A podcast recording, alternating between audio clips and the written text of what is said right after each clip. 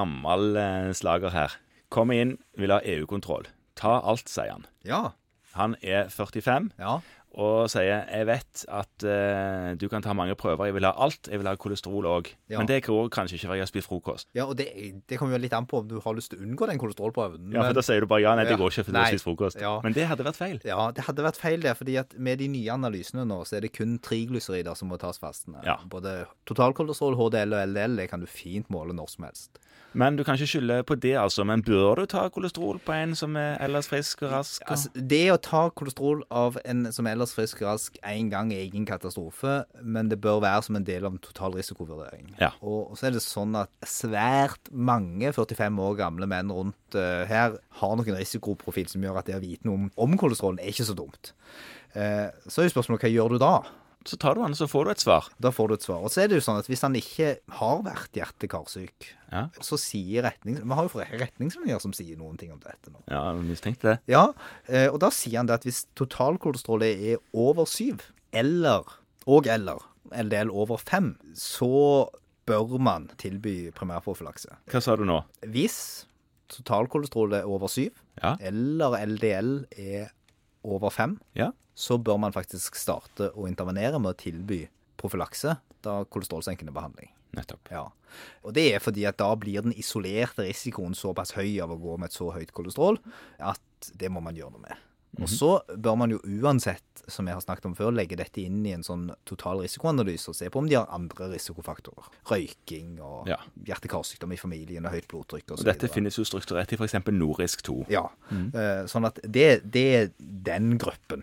Den eneste gruppen som en kanskje det står at en kan vurdere å unnta for det, er kvinner som utvikler den typen kolesterol etter overgangsalder. De har en lavere risiko. Ja, Så de kan få lov å ha en litt høyere kolesterolverdi Ja. uten å få det behandla. Fordi at de har så lav totalrisiko. Det er jo en av fordelene med å være kvinne. Det er jo det at du tåler Så lenge du har østrogen, så har du lavere hjerte-karrisiko.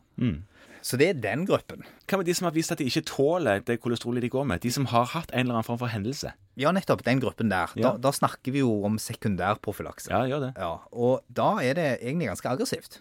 Det er veldig aggressivt. Ja, Du tåler ikke mye eh, forøkning i kolesterolet før du skal gå på å behandle det? Er det det du mener? Nei, da sier retningslinjene at du skal ha under 1,8 I hva? LDL. Under 1,8 i LDL Ja. i det dårlige kolesterolet? Ja. Det var ganske aggressivt. Det ja. er ganske aggressivt, og det som mange av oss vil erfare hvis vi begynner å kikke litt på pasientene våre, blodprøveverket til pasientene våre, det er jo at de har ikke under 1,8 i LDL. Nei, de har ikke det, altså. Og ganske ofte så skyldes jo det at vi kanskje har vært litt for snille og sagt at eh, ja, du skal få en sånn forsiktig dose med et eller annet kolesterolsenkende. Eh, Sånn at det å gå til ordentlig, f.eks. med atorvastatin 40 mg, og begynne der, som er en skikkelig kolesterolsenkende dose, er fornuftig. Så er det jo mange som er redd for bivirkninger.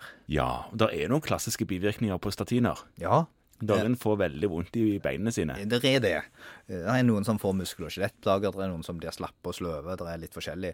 Jeg pleier å si til pasientene mine at du har helt rett, men min holdning er jo at rundt 90 går det veldig bra med. Ikke sant? Ja, Så et sted mellom 5 og 10 får nok bivirkninger som for pasientene er plagsomme. Men i den diskusjonen om å starte opp med dette, eller å øke dosen på dette, så pleier jeg å si at eh, hvilke andre ting i livet ville du ikke ha prøvd hvis du hadde 90 sjanse for å lykkes? Nei, det er godt regnestykke, det. Og jeg tenker at den holdningen må vi ha litt, fordi det er nok åpenbart at ganske mange av disse sekundærprofylaksepasientene, de som har hatt et hjerteinfarkt eller slag, de ligger litt for høyt i LDL-kolesterol. Ja, de har jo vist, som jeg sa, at de ikke tåler det Ja. Mm. kolesterolverdien de har.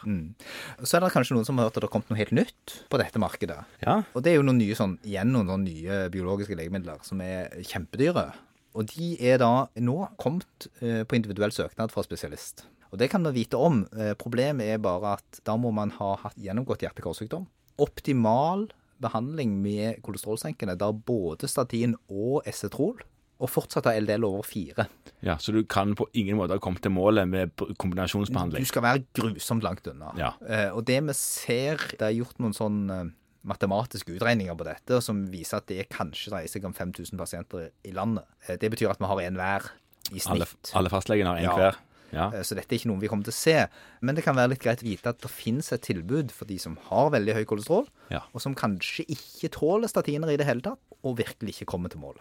Men hva med de sånn med Du, du nevnte liksom risikoprofil, du nevnte røyking og høyt blodtrykk og sånne ting. Men hva med de som har diabetes de har jo òg en høy risikoprofil for hjertekar. Ja, de har det.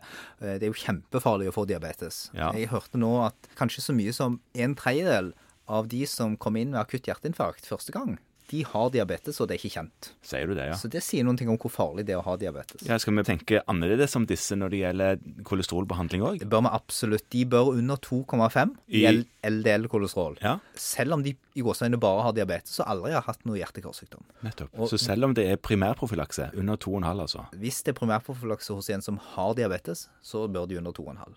Og det igjen er noe som kan være krevende. Hvis de får hjerteinfarkt, så skal de jo også selvsagt under 1,8. Selvfølgelig. Ja.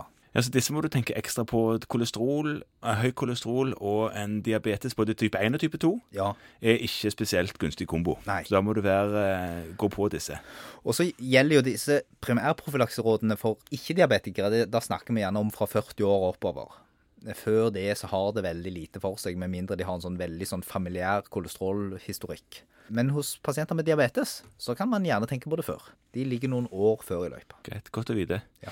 Så eh, man har antagelig alle som en en par svin på skogen når det gjelder hvem som trenger kolesterolbehandling. Ja, og ikke minst kanskje når man først har begynt, at man da ikke helt bestemmer seg for å gjøre det skikkelig. Ja, ikke sant? At man, man, jeg skjønner. Man bør følge de helt til de har nådd behandlingsmålet sitt. Litt sånn som det man holder på med ved blodtrykksbehandling. Egentlig. Ja.